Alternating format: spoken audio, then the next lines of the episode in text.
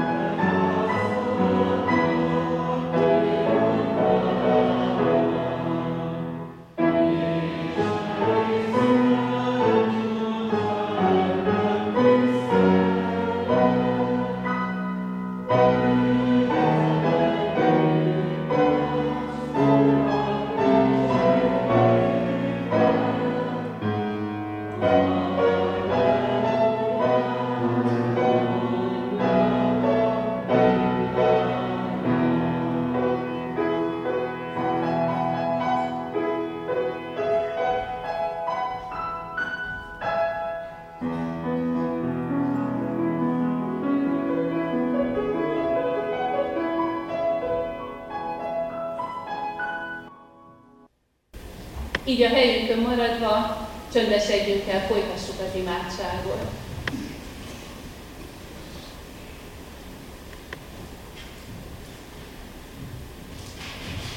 Istenünk, Atyán, így az ima hét lezárásával, úrvacsorára készülve, elébb életünk minden megosztottságát. Megvalljuk, hogy szeretnénk, ha a szánk az a Te dicséretedet hirdetni, szeretnénk, vágyunk arra, hogy csak az építő hangozzon el a szánkból, ami építi a másikat, építi az országodat, ami hidat épít ember és ember között. És megvalljuk Istenünk, hogy legalább annyi romboló beszédjön a szánkból, mint építő. Megvalljuk, hogy még mindig nem vagyunk ura a nyelvünknek, mert nem vagyunk ura teljesen a szívünknek. Kérünk, hogy bocsáss meg, irgalmaz nekünk. Megvalljuk Istenünk, hogy szeretnénk a jót tenni, szeretnénk a legkisebbekkel is a, a Te szeretetedet, amit tőled kapunk, megosztani.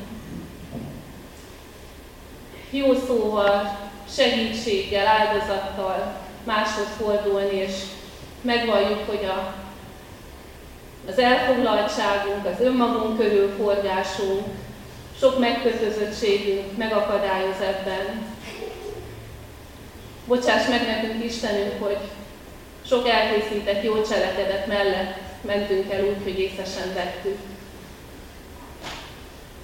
És elég visszük Istenünk népünk megosztottságát, az egyházunk, az egyházak megosztottságát, minden megosztottságot a gyülekezetben,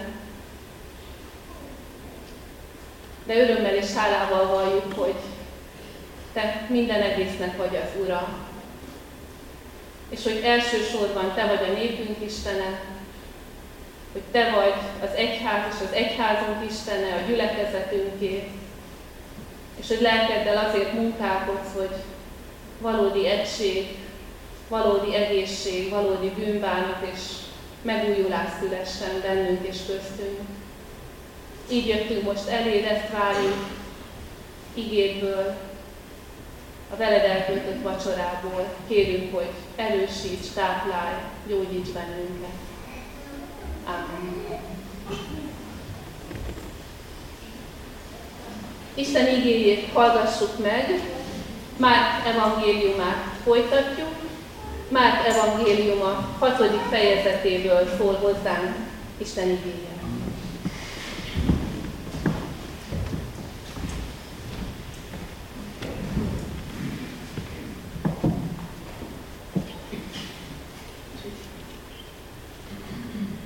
és azonnal kényszeríti tanítványait, hogy hajóba szálljanak és menjenek át előre a túlsó partra Betesda felé, amíg ő a sokaságot elbocsátja.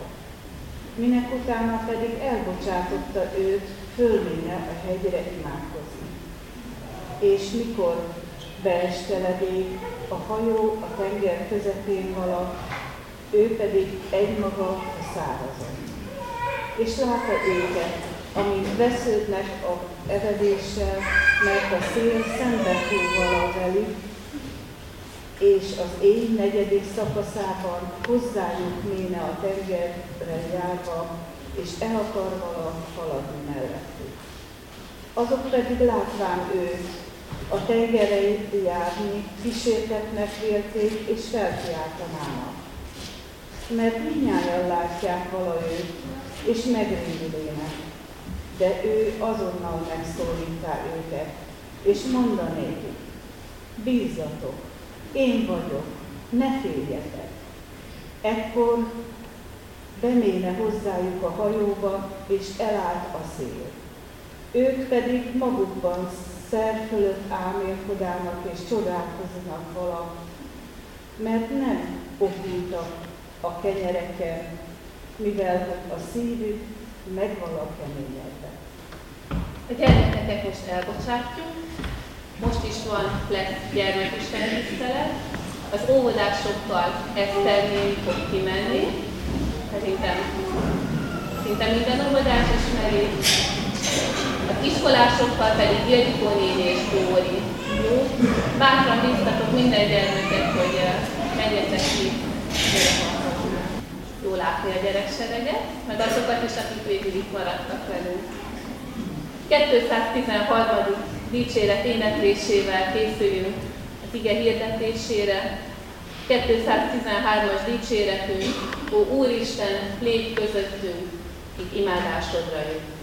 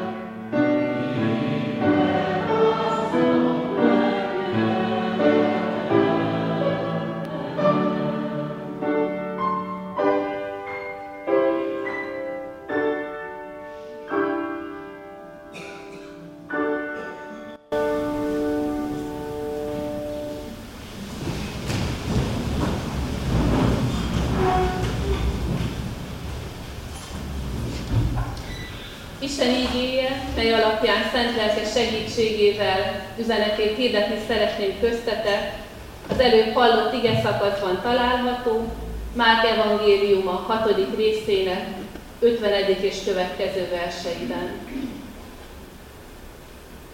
Mindjárt látták őt, és megrettentek. De Jézus azonnal megszólította őket, és ezt mondta, bízzatok, én vagyok, ne féljetek. Beszállt hozzájuk a hajóba, és elült a szél, ők pedig, ők pedig szer fölött csodálkoztak magukban, mert a kenyerekből még nem okultak, és a szívük kemény maradt. Ámen. Foglaljuk el a helyünket. Körülbelül egy hónappal ezelőtt álltam itt ugyanígy, még advent egyik vasárnapján, és és egy hónap után, mikor megkerestem azt az ige szakaszt, ami már van kijelölve, és elolvastam egyszer, kétszer, háromszor, akkor azt mondtam, hogy hát de erről prédikáltam egy hónappal ezelőtt is. Mert valóban nem sok különbség látszik a negyedik fejezetben leírt történet, mikor Jézus lecsendesíti a vihart, és a most hallott történet között, Ugye ennek azt a címet adták a Szentíró szerkesztői, hogy Jézus a tengeren jár. Hogy megint itt van előttünk Jézus, a tanítványok, itt van a vészhelyzet, itt van az ijegység és a hitetlenség, majd a szabadítás és a szeretetteljes isteni dorgálás. És ezen küzdöttem, hogy mi újat mondhat nekünk még ez a történet az előző után? És nem csak bennem merül föl ez a kérdés, azt gondolom, meg nem csak azokban esetleg, akik folyamatában olvassák Márk evangéliumát. Régebben sok biblia kutató simán, most így mondom, mert ők is így mondták, duplum történeteknek nevezte az ilyeneket. Tehát azt mondták egy időben a bibliakutatók, hogy ez tulajdonképpen ugyanaz a történet, ami előbb le van írva, csak ahogy ugye az első keresztjének szájról szájra adták Jézus történetei, csodáit, a galileai tengeren megélt csodát, ahogy szájról szájra adták, egy kis, kis különböző változatok születtek, és egy-két generáció után már azt gondolták, hogy ez két külön történet, külön leírták. És hát ugye az volt erre a bizonyíték, hogy hát milyen egyforma a kettő. Furcsa gondolkodás ez, mintha nem, ismétőd, mintha nem ismétlődhetne meg ugyanaz a történet egyszer, kétszer, vagy akárhányszor az életben. Pedig nagyon jól tudjuk, hogy mindannyiunknak vannak ilyen, ilyen duplum történetei, ami már megtörtént velem, és újra abba a helyzetbe kerültem. És nem csak személyesen, a közösségünkben is vannak ilyen történetek. Meg az egyházban is, meg a népünknek is hány ilyen története van. Ha nem lennének ilyen, akkor így fogom ezt tovább mondani, ilyen duplum történetek, ha nem lenne semmi jelentősége ennek, akkor nyilván annak sincsen semmi jelentősége, hogy a Szentírás elmeséli nekünk már a legelején, hogy Ábrahám például kétszer követte el teljesen ugyanazt a védket. Ugye, amikor menedéket kért egy pogán uralkodótól, félt attól, hogy a szép feleségét megkívánja az istentelen vagy az törvény nem ismerő uralkodó őt megöli, ezért azt mondta, hogy a, a felesége, a huga kitéve őt annak, hogy elviszik a hárembe, kitéve a feleségét veszélynek, Isten ígéretét veszélynek. És azt megtette egyszer, Isten megszabadította, és eljött ugyanaz a helyzet, és megint nem gondolt, nem talált, nem látott más kiutat, ugyanezt. Ha nincsenek duplum történetek, akkor nyilván annak sincs jelentősége, hogy ugyanez a történet, aztán majd megismétlődik Ábrahám és Sára gyermekénél is. Izsák ugyanezt fogja tenni. Vannak duplum történeteink a saját életünkben, a családunkban. És ha nincsenek ismétlődések, ha ez az egész csak szerkesztői tévedés, hogy egy-két történetet duplán írtak le a Szentírásban, akkor nyilván annak sincs semmi üzenete felé sem, hogy az Úristen nem csak egyszer, de kétszer szabadította ki a kiválasztottját Ábrahámot ugyanabból a vételből, ugyanabból a szorult helyzetből, sőt még utána a gyerekét is.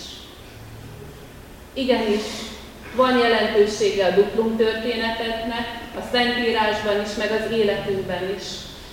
Van üzenete saját magunkról, és van üzenetünk Istenről.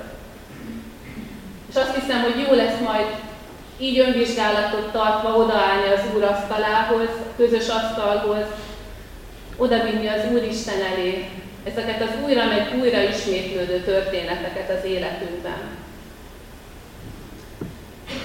De hadd mondjam azt, hogy ezek a duplum történetek, ezek, ezt most nagyon csúnyán fogom mondani, de így jött hozzám, ez nem az élet titolása velünk, hanem ez az Isten kegyelmes, szemnyitogató, formáló munkájának a része az életünkben, életünkben.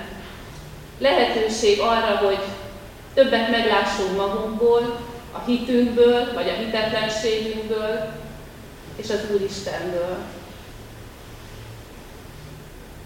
Csak nézzük meg, hogy mennyi hasonlóság van a két történet között.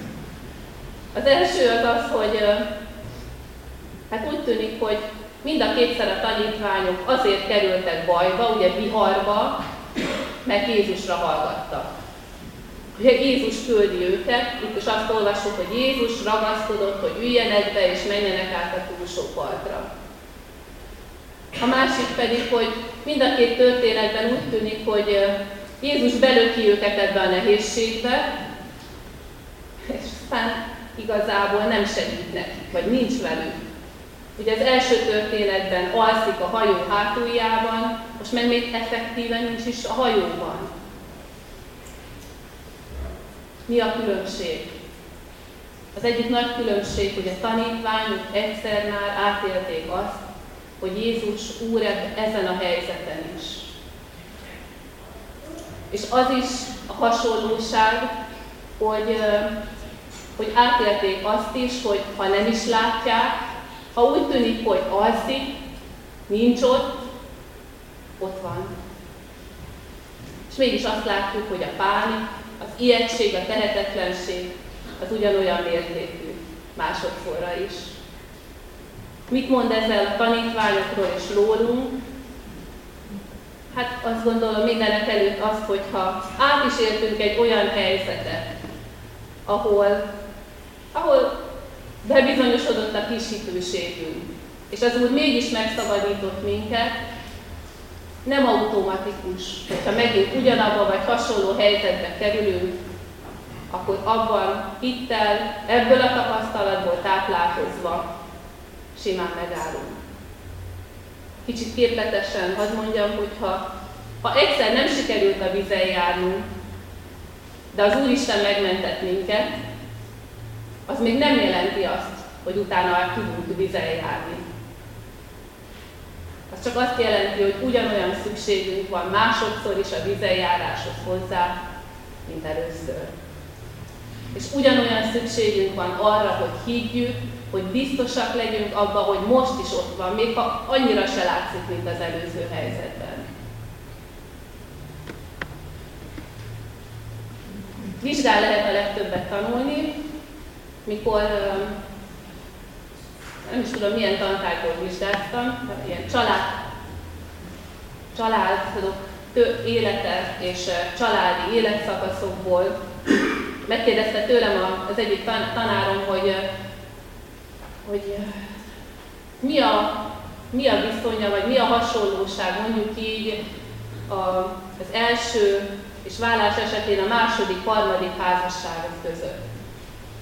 És hát nagyjából így lehet összefoglalni, hogy a második és a harmadik házasságban rendszerint előbb-utóbb ugyanazok a problémák merülnek fel, mint az elsőben, amit nem tudtunk megoldani. És nagyon jó volt, hogy, a, hogy olyan tanáraim voltak, akikkel testvérek is vagyunk a hitben, és hogy úgy tudtunk erre nézni, hogy megint ez nem az élet velünk, ez nem elrendelés, az Úristen adta lehetőség a változásra, a növekedésre. De azt is hozzátette a tanárom, ami nekem ott új volt, és nagyon belém vésődött, ha nincs bennünk változás, akkor másodszorra, harmadszorra ugyanabból a nehézségből sokkal erőt megpróbálunk kihátrálni. Sokkal kevesebb reményünk van arra, hogy mi ezt megoldjuk. Megint csak attól, hogy egyszer nem sikerült vízen járni, de az Úristen megmentett bennünket, még nem tudunk vízen járni. Szükségünk van rá, aki tud, és szükségünk van arra, hogy tudjuk, bízzuk, hogy ő ott van. És ez a Dukun történeteink másik oldala, hogy az Úristen azért visz bennünket újra meg újra talán ugyanabba a helyzetbe, hogy mélyebben beleírja a jelenlétét, a szabadítását a szívünkbe. Mert egyszer talán, talán nem volt elég. Ahogy ugye a fametszet készítésénél a művész ugyanazon a vonalon újra meg újra átmegy, és egyre mélyebben vésődik be a minta, az Úristen így dolgozik rajtunk az ismétlésekkel. A kérdés az, hogy hagyjuk-e, hogy igyekszünk-e hittel válaszolni, vagy befogadni ezt, vagy megkeményedünk. És erre csak egy utolsó hétköznapi példa, mert hála Istennek nem vagyunk minden nap életveszélyes viharban, hála Istennek nincsenek minden nap házassági válságok, de az a példa jutott eszembe, hogy valószínűleg mindannyiunknak megvan az az embertípus, hát akik most megint nem igen hirdetősen mondom, aki az agyunkra megy. Akivel nem tudunk mit kezdeni. Ha kicsit igen hirdetősebben mondunk, akit nem tudunk elfogadni. Akit nem tudunk Jézus szemével látni. ha Jézushoz kötjük magunkat, ha bekapcsolódunk a tanítványi közösségbe, a gyülekezetbe, az biztos. Ebből az embertípusból lesz ott. És kikerülhetetlen lesz. Az Úr újra meg újra elénk hozza ugyanazt az embertípus, ugyanazt a nehézséget. És ugyanúgy mellettünk van, és ugyanúgy segít, és ugyanúgy formál. A kérdés az csak, hogy engedjük, vagy megkeményedünk, vagy azt mondjuk, hogy ezt, ezt a közösséget se lehet kibírni. Ahol ilyen emberek vannak, én nem, nem, nekem ott nincs levegő. Vagy pedig engedjük, hogy minden ilyen egyes lehetőséggel az Úristen, hát mint, mint a házak lerombolásakor használták régen ezt a bontógolyót, ugye? Egy csapás, és akkor megreted, még egy, még jobban. Hogy áttörje a szívünk keménységét, a hitetlenségünket, és hogy tényleg maradandó változást hozzon belénk. Átéljük egyszer, átéljük másodszor a szabadítást, átéljük egyszer, hogy megbuktunk, nem tudtunk kijönni azzal az emberrel, de az Úristen újra elénk hozza, és új lehetőséget ad. És ez az, ami valóban formál. Ez az, ami mélyreható, gyökeres változást hozhat. Ez a megszentelődés, amire az Úristen hív bennünket. Ő itt van, vezet bennünket, újra meg újra bevezet ismert és ismeretlen helyzetekbe, de egy biztos, az a mondat, amit a tanítványoknak ott és akkor elmondott, most is szól nekünk is, és minden helyzetben bízzatok, én vagyok, ne féljenek. Válaszolva Istenünk üzenetére, és készülve a Szent Asztal közösségre, a 213. dicséretünket énekeljük, imádkozzunk, 213. dicséretünket, ja, bocsánat, nem, ezt már énekeltük. Nem. Az 549. dicséretünket mind a három versével, ki is van vetítve, 549-es dicséret, így kérjük Isten lelkét a folytatáshoz, Szentlélek, védj körül bennünket, szenteld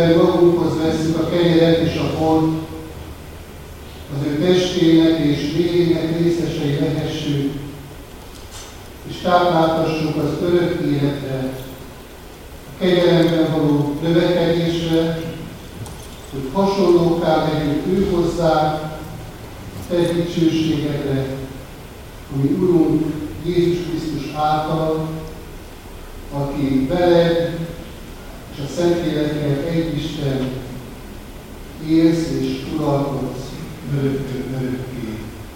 Kedves testvérek, kedves gyülekezet, hallgassátok meg, mi módon szereztem megváltódunk az Úr Jézus Krisztus, az Úri Szent Vacsora sákramentumát, ennek leírását Pál Apostolnak a korintusi gyülekezethez írott első leveléből, 11. fejezet 23. versétől kezdődően hozom elétek, melyben az apostol így foglalja össze. Én az Úrtól vettem, amit át is adtam néktek, hogy az Úr Jézus Krisztus azon az éjszakán, melyen elárultatott, vette a kenyeret, hálát adván megtörte, és ezt mondta. Vegyétek, egyétek. Ez az én testem, amely ti életetek megtöretik, ezt cselekedjétek az én emlékezetemben. Hasonlóképpen vette a poharat is, miután megvacsoráltak, és ezt mondta. E pohár, az új szövetség az én vérem által. Ezt cselekedjétek valamennyiszer, visszátok az én emlékezetemben. Mert valamennyiszer eszitek egy kenyeret és visszátok egy poharat, az Úrnak halálát hirdessétek, ami Kedves testvérek, hallottuk az igét, szerint előtt vannak a látható jegyek, ami megváltó Urunknak írgalmát, szeretetét és kegyelmét hirdetik számunkra. Kértek és valljuk meg magunk kegyelemre szorultságát. Tegyük ezt először közösen, mint gyülekezet. Majd pedig kedves percet tartva magunk személyes bűnvallomásságát. Drága mennyi atyánk, hálás szívvel köszönjük neked, hogy ismét magadhoz hívogatsz minket. Köszönjük, Urunk, ezt a kegyelmet, hogy te közeledbe engedsz, nem először, nem másodszor, hanem sokszor. Urunk, te közelségedben megláthatjuk, hogy mennyit védkeztünk ellened és egymás ellen. Szóval, cselekedetben, gondolatban és mulasztásban. Bágolunk, Urunk, hogy mindezekkel megszólítottunk téged. De köszönjük neked, hogy bűneinket felismered. Az Úr Jézus keresztje elé És kérünk téged, kegyelmes atyánk, hogy bocsáss meg mindazt, amiből ezek a bűnök akarnak. Az irántad való bizalmatlanság, az ellened való lázadásét, az engedetlenséget, mert mindezek akadályai voltak annak, hogy lelked által megszentelve templomodá legyen testünk és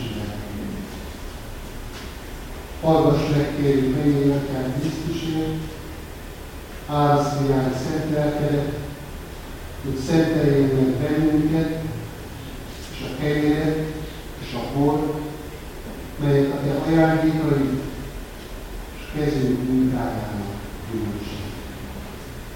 Kérjük vezessünket lelked által, magunk személyes bűnvaló imádságát. Hála és dicsőség mindenség urának, aki az ő fiának, az Úr Jézus Krisztusnak érdemért meghallgatja a könyörgésünk.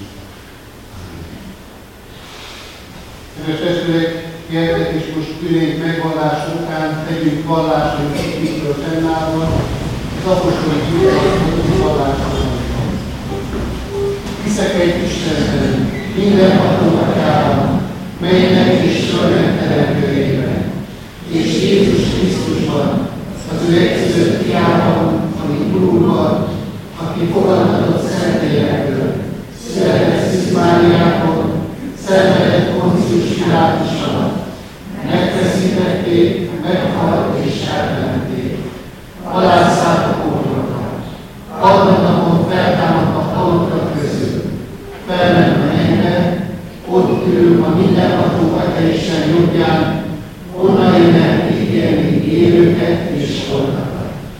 Hiszem szent életben, hiszem az egyetemes tanúszent egyházat, a szentek közösségét, a bűnök bocsánatát, a test feltámadását és az örök életet. Amen. Jó lehet, kedves testvéreim, akik hitetek benne, nem kételkedem, mégis a mi gyülekezeti rendünknek megfelelően most két kérdést intézek hozzátok, melyre jól lelkiismerettel és alható szóval felejünk. Az első kérdés így szól. Hiszitek-e, hogy úgy szerette Isten a világot, hogy egy szülött fiát adta, hogy aki hisztő benne el ne vesszen, hanem örök életet. Igen, feleim, hiszem és van. Hiszem és van. Másodszor ezt kérdezem tőlem ígéritek-e, fogadjátok-e, hogy egy kegyelemért egész életeteket az Úrnak szentelitek, mint élő, szent és neki kedves áldozat. Igen, beléjétek, ígérem és fogadom. Én is veletek együtt mindezt hiszem és mondom, ígérem és fogadom. Most azért Kedves testvérek, mint azért Uramnak, Úr Jézus Krisztusnak, méltatlan, de elhívott szolgája, hirdetem nektek bűneitek bocsánatát, és az örök életet, amelyet megadani tudunk Istenünk, az ő kegyelmének, atyai szeretetéből, Jézus Krisztus Szeretett testvérek, új élettel ajándékozott meg Isten, Kegyelem királyi asztalán hívnak benneteket, akik már elfogadták Krisztus Jézus, az Urat, hogy az úrvacsorai közösségben megerősödve éljetek is hívjuk azokat is, akik még nem konfirmáltak, és amiatt most nem lehetnek még úrvacsorát, hívjuk őket, hogy jöjjenek ki az úrasztalához, szeretnénk együtt, és egy áldó igényet szeretnék elégíteni És azokat is bátorítani szeretném, akik úgy érzik bármilyen okból fakadóan, hogy nem készültek el kellőképpen tudacsai közösségek hogy jöjjenek ki ők is, hogy egy áldással gazdagodhasson.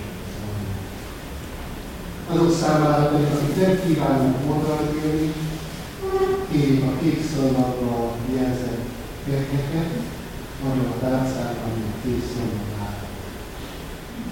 Fogaljuk el, kedves testvérek, és a tudatja a kételmet, tulajdonképpen tulajdonképpen tulajdonképpen 440 költségekkel kezdve, 900 évek, és majd a utolsó versenyben, amikor a megvászló beszélt újvacsorát, akkor kárkodnak is valakit, hogy jöjjön, és álljon a közösségbe, gyülekezetet az a hátulítus, hogyha majd a dolgokra szó nem hallatszik, akkor is értékel a éneket. A úrvacsora rendjével kapcsolatosan szeretném még azt kérni a testvérektől, hogy két oszlopban lévő gyülekezet tőlem jobb eső oszlopával kezdjük az úrvacsori közösséget, ablak felől ülőket kérjük arra, hogy meg soronként fölállva jöjjenek úrasztalához, itt a helyére, és az áldást kapják, itt pedig majd a, a volt lehet az ő részük, és ezzel erősítik a szívüket, és kérjük, hogy majd így középen visszamenni a sorunkat, foglaljanak helyét. Másik oszlop tekintetében pedig azt szeretnék kérni, hogy majd a középen ülő indítsák el egymás következő sorokat, és hogy az ajtók ezen oldalon térjenek vissza ülőhelyükre, és ugyanígy úgy fogják majd a helyületesek áldást adni ügyeleti magukhoz a úrvacsorára. Tartsuk ezt a szép rendet, presbitek testvéreket arra kérem, hogy segítsen az úrvacsorasztásra. 441. dicsérettel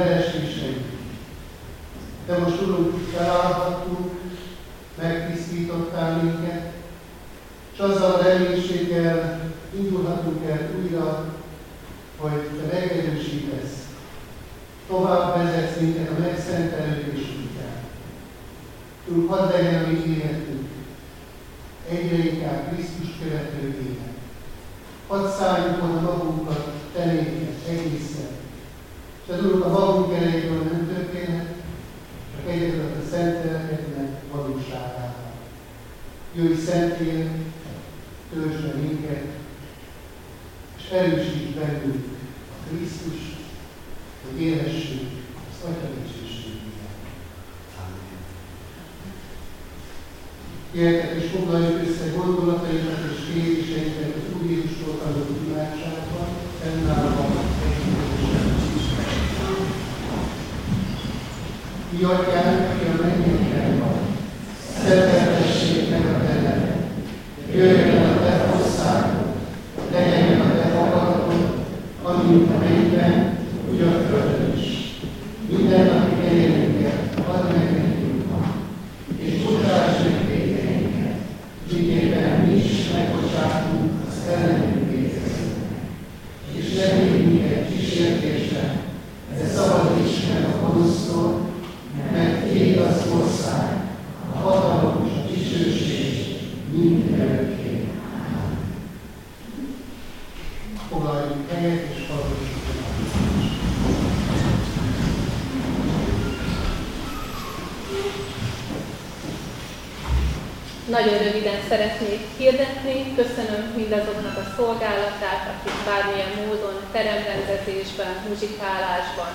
liturgiában részt vettek. Hirdetem, hogy a mai napon még egy Isten tiszteletet tartunk itt a díszteremben, este 6 órakor a kert könyvüzenés Isten tiszteletet, és há, délután 3 órakor itt szintén a díszteremben presbiter képzési alkalom lesz, ahol gyülekezetünk egyik lelkipásztora fog előadással szólni, szeretettel hívunk, várunk minden jelenlegi és leendő vagy volt tiszteletbeli testvitel erre. Az elmúlt héten keresztelések és temetések egyaránt történtek a gyülekezetünkben, illetve a jövő héten is. Ezekre készülünk, hordozzuk imádságban, különösen azokat, akiket személyesen ismerünk, ugyanígy imádkozzunk a betegeinkért is. És végül szeretném az adakozásra fölhívni a figyelmünket, minden Istentől kaptunk, kapunk, ez szerint adjunk az ő céljaira, és ő megáldja az adakozásunkat, áldozatunkat. Záró énekünket énekeljük, a 288. dicséret, tehát mind a három versével, 288-as dicséret, áldjuk Isten végével, Isteni tiszteletünknek, majd fennállva kérjük el Isten áldását. thank you